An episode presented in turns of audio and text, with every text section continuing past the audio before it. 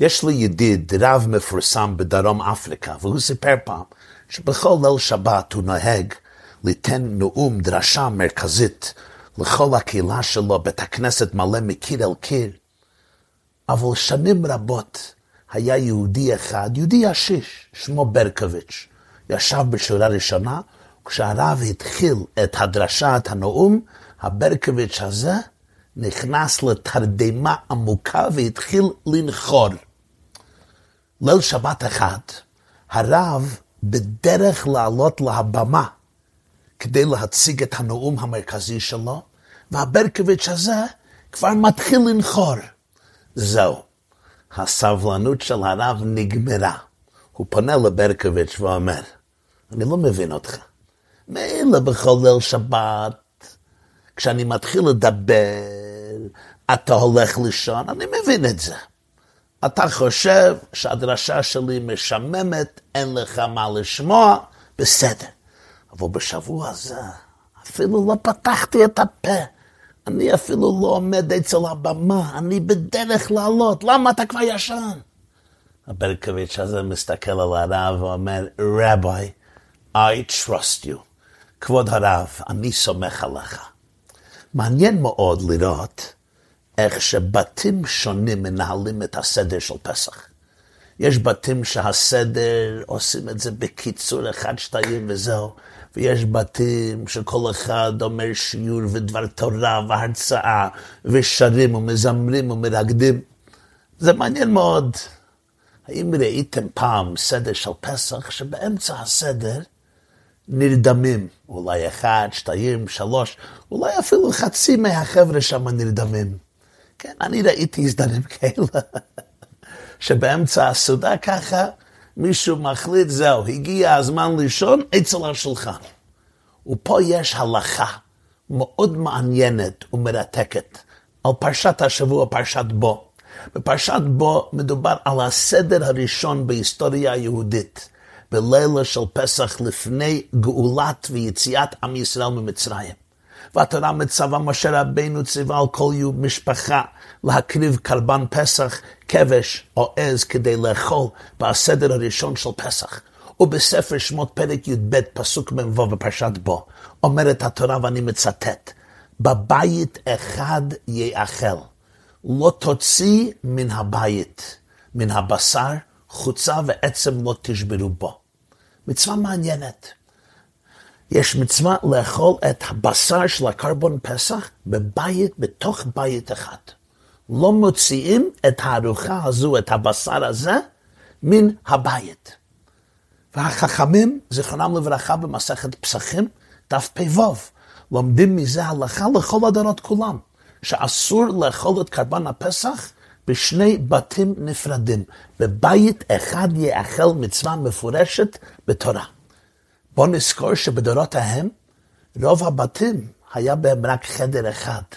אז מזה לומדים שאסור לאכול את הקרבן פסח אפילו בשני חדרים בתוך בית אחד. כי כשהתורה אומרת בבית אחד יאכל, זה כמו שאומרים, תאכל את זה בתוך חדר אחד, אל תוציא את זה מהבית, אל תוציא את זה מהחדר, כי בדרך כלל רוב הבתים היה רק מחדר חדר אחד, כשאתה מוציא מהחדר זה כמו שאתה מוציא מהבית. עכשיו נשאל, מה אכפת לנו? מה אכפת לו לקדוש ברוך הוא אם אני אוכל את הקורבן פסח בבית שלי, בבית שלך, אני הולך מבית לבית, מה יש? אני רוצה יותר קומפני. המפרשים מסבירים שבלילה הזה אנחנו מזכירים לעצמנו שאנו בני חורין, לא עבדים. נסיך, מלך, מלכה, כשהם מתיישבים לאכול, הם יושבים במקום אחד, רגוע, מקום קבוע, נהנים מהסעודה. הם לא, הם לא מתחילים את הארוחה במטבח, הולכים לסלון, הולכים למחתרת, הולכים לחצר, הולכים לבית אחר. הם לא מסתובבים עם כריך ביד מחדר לחדר. זה דרך של שמש, של עבד, של משרת. נסיך, מלך, מלכה, אתה יושב במקום שלך, מגישים לך את האוכל, אתה אוכל באופן של אצילות, של ממלכתיות. ובלילה הזה כולנו בני חורין, כולנו מסובין, כולנו מלכים, כולנו נסיכים.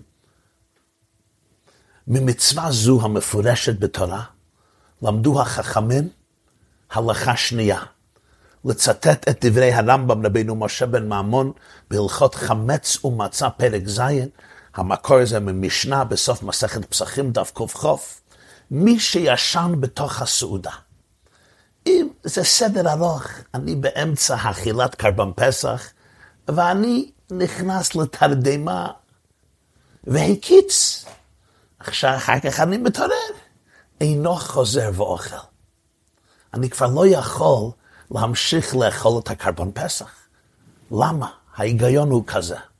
יש רילוקיישן פיזי ויש רילוקיישן נפשי. כלומר, יש תנודה פיזית. אני עוזב את הבית, ומתחיל לאכול, או ממשיך לאכול את הארוחה בבית שני. אבל יש תנודה מסוג אחר. כשאני נרדם באמצע הארוחה, אז כשאני מתעורר וממשיך לאכול, זה נחשב כאילו אני אוכל את זה במקום חדש, לא מיקום פיזי חדש. אני יושב באותה כורסה, אני יושב על אותה ספה, אבל מיקום נפשי חדש. המנטל סטייט שלי שונה. זה כבר לא רצף והמשכיות של ארוחה ראשונה. הארוחה הראשונה נקטעה על ידי השינה שלי. השינה הפסיקה את הסעודה. עכשיו, התעוררתי, אני מתחיל כמו ארוחה חדשה בעקבות השינה שלי.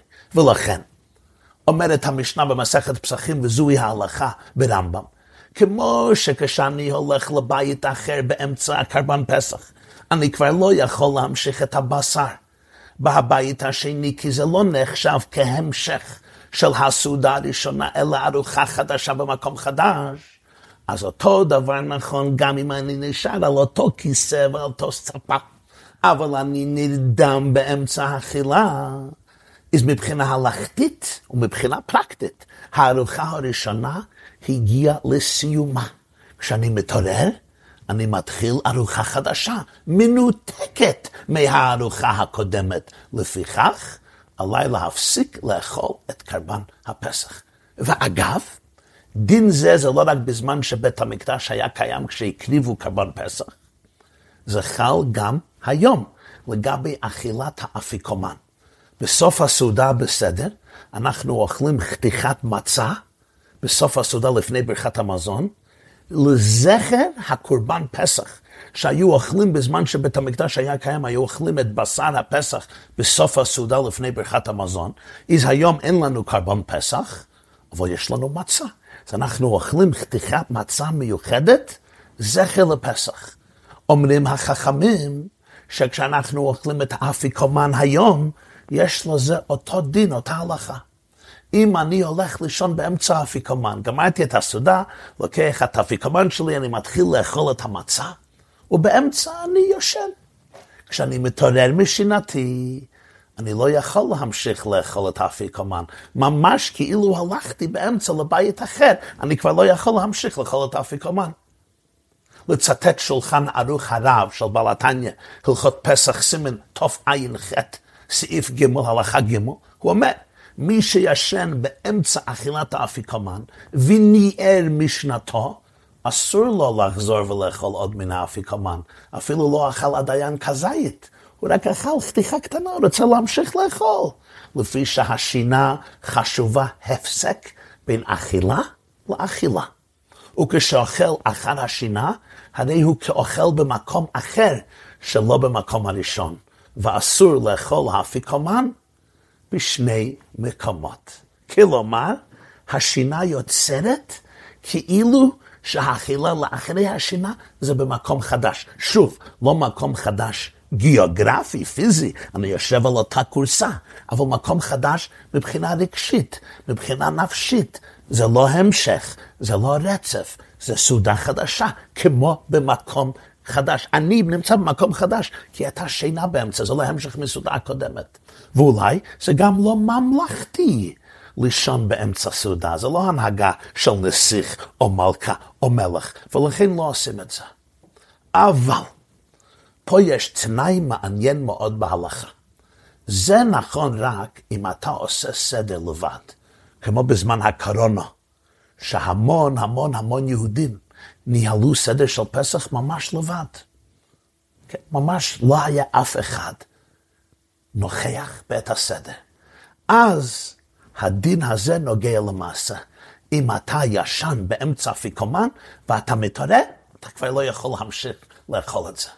אבל מה אם סביב השולחן יש חבורה? יש משפחה, יש ידידים, יש קרובים, יש בני קהילה, ומקצת מהם ישנו בתוך הסעודה. פה ההלכה משתנית. המשנה אומרת במסכת פסחים, וזוהי ההלכה, כשהם מתעוררים, הם יכולים להמשיך לאכול. למה? אין שינתם חשובה הפסק, כיוון שמקצת בני החבורה נשארו בלא שינה. כלומר, אם אני אוכל בחברתך, אם אני אוכל ביחד עם חבורה, עם קבוצה, אז אפילו אם נרדמתי, אפילו אם שקעתי בשינה ערבה באמצע אכילת קרבן פסח או באמצע אכילת אפיקומן, הארוחה שלי לא נקטעה. כל עוד שאחד מבני החבורה שלי ער, אז כשאני חוזר להכרה, אני מיד חוזר למשחק. אפילו אם נרדמתי למשך זמן, זה לא נקרא הפסק של האפיקומן שלי. למה? כי אני לא אוכל לבד, אני לא בודד, אני חלק מחברה, אני משתייך לקבוצה או משתייכת לקבוצה, זה בני חבורה. וחלק מהקבוצה מעולם לא קטע את הארוחה על ידי תרדמה. אז אפילו אם יש למשל חמישה אנשים או חמש נשים או עשר או עשרים, לא אכפת לי המספר, של בני החבורה, שכן נרדמו באמצע האפיקומן, ועכשיו הם מתעוררים, אומרים, תמשיכו, זה בסדר. הסעודה הראשונה שלכם לא נפסקה. למה?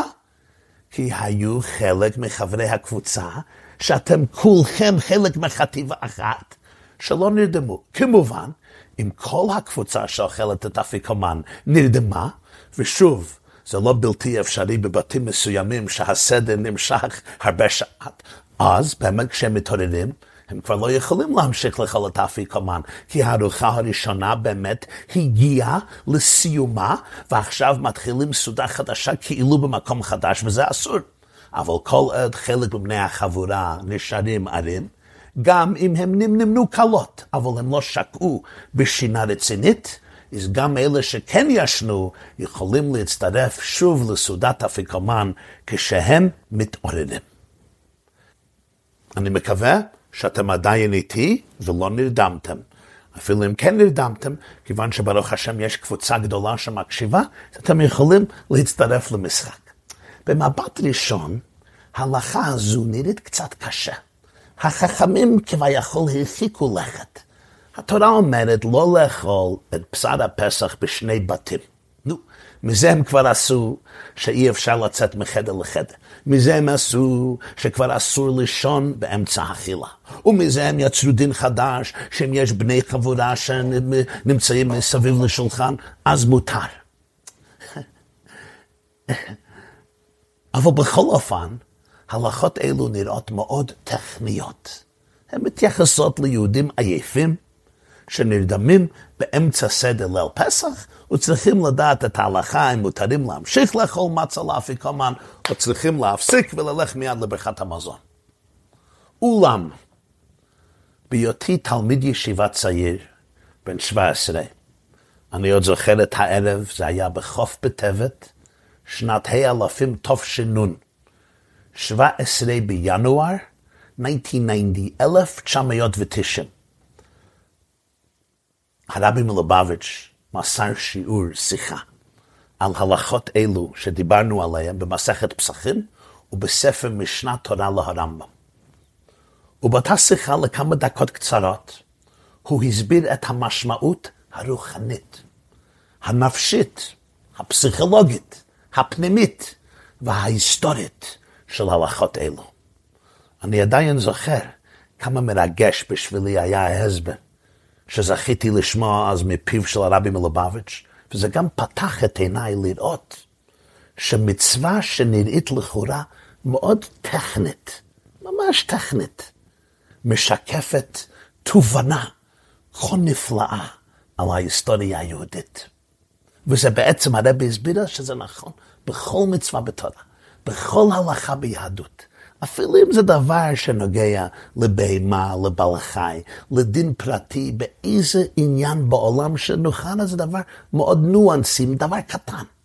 אבל אם מתבוננים בעומק הדבר, נמצא פה פרספקטיבה, תובנה, השקפה נפלאה בחיי האדם, בתורת הנפש. ויצווינו השם אלוקינו לעשות את כל החוקים האלה ליראת השם אלוקינו. הרמב"ם כותב בסוף הלכות תמורה, שרוב דיני התורה אינם אלא לתקן הדעות וליישר המעשים. כלומר, אפילו דינים שנראים לא רלוונטיים כל כך ומאוד טכניים, אבל אם אתה תתבונן במשמעותון של הלכות אלו, תראה שהם נותנים לנו, זה הם מורים לנו את הדרך לשגשג בחיים, להצליח בחיים, לתקן את הדעות שלנו, ליישר את המעשים שלנו, לשפר את טיב ואיכות החיים שלנו בגשמיות וברחניות, בעולם הזה ובעולם הבא.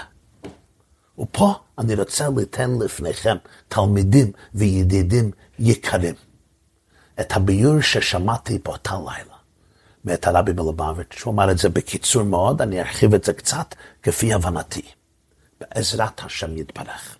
סיפור יציאת מצרים בפרשיות אלו, שזה בעצם הנושא של חג הפסח, הוא סיפורו הנצחי של עם היהודי. בכל דור ודור אומרים חכמינו זכרם לברכה, חייב אדם לראות את עצמו כאילו הוא יצא היום ממצרים. התורה אומרת בפרשת ראה למען תזכור את יום צאתך מארץ מצרים כל ימי חייך. סיפור יציאת מצרים זה לא סיפור לשעבר, סיפור היסטורי, זה סיפור עם היהודי מסע מגלות לגאולה. איך אומרים בהגדה? לא אחד בלבד עמד עלינו לכלותנו, בכל דור ודור עומדים עלינו לכלותנו, והקדוש ברוך הוא מצילנו מידם.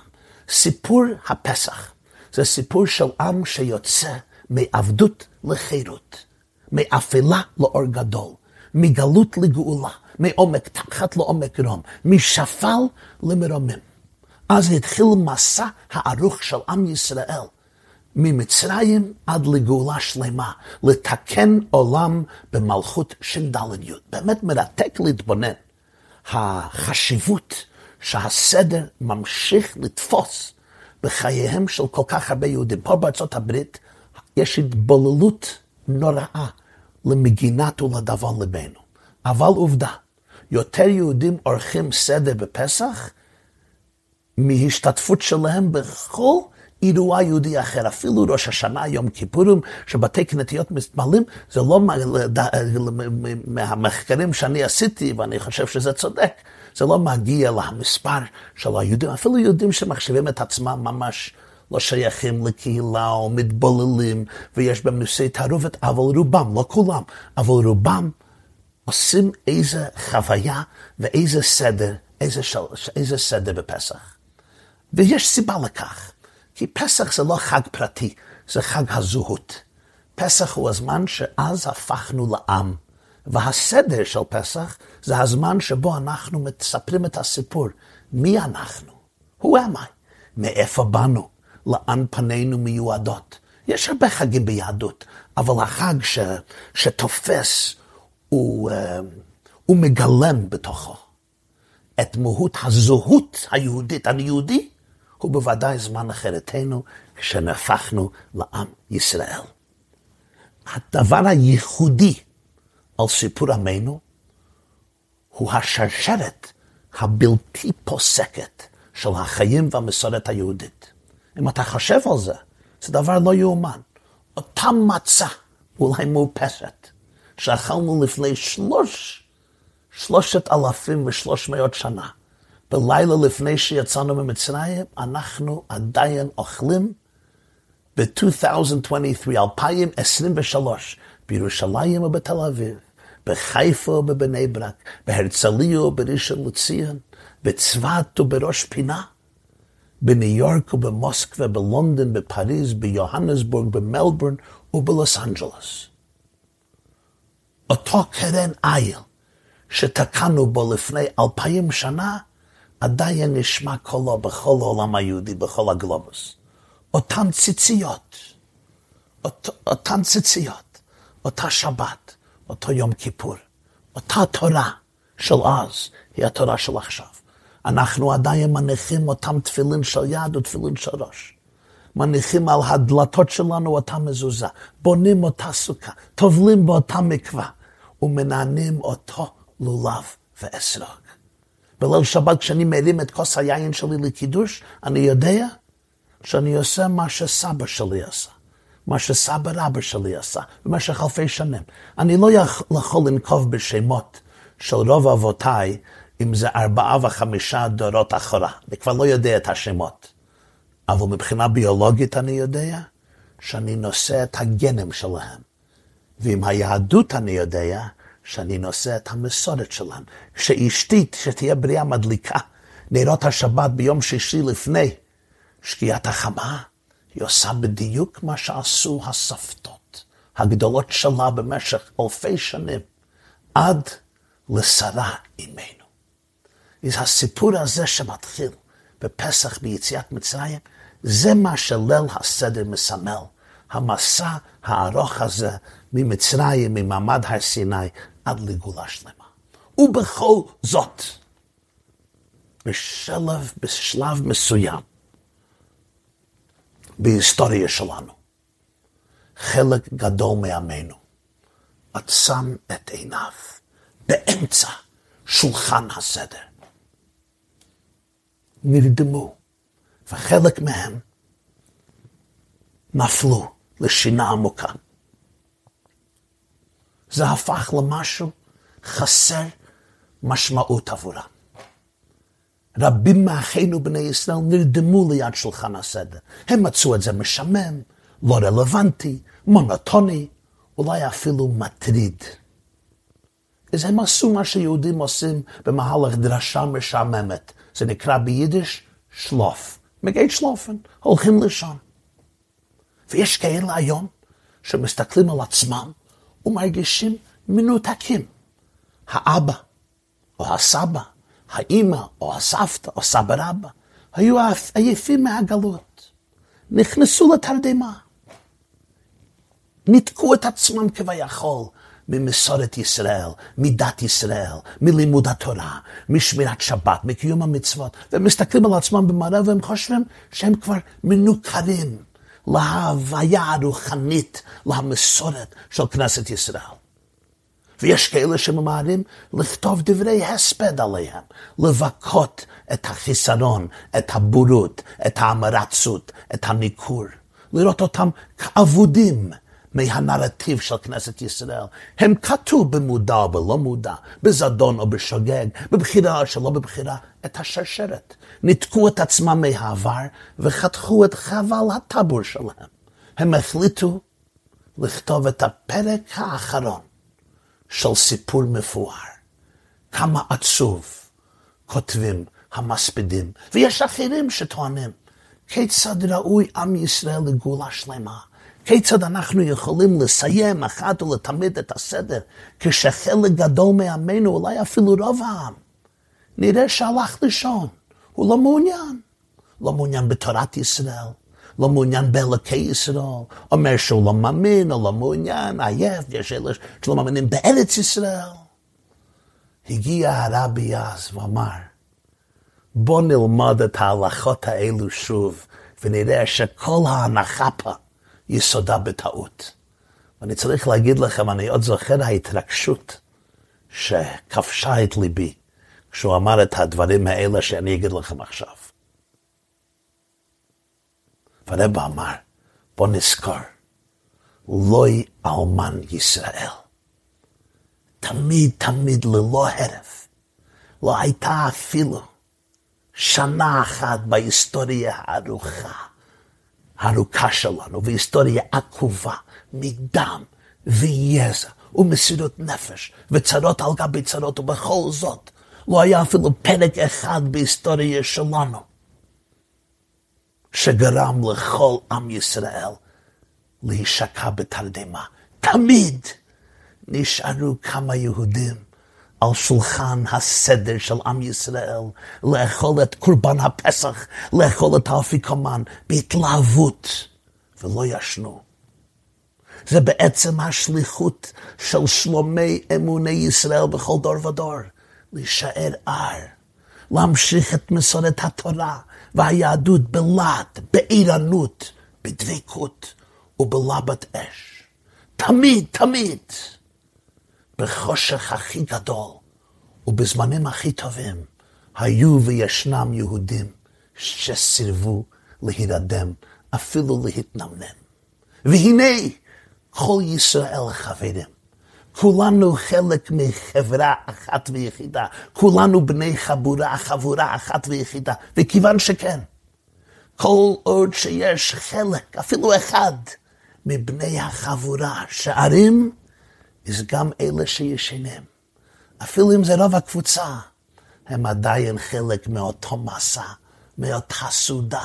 וכשהם מתעוררים, ובוודאי שכל אחד יתעורר, שהרי לא יידח ממנו נידח, וכל נשמה מוצאת את עצמה סוף סוף. כשהם מתעוררים, הם יכולים להיכנס מיד למשחק, לא היה שום הפסק.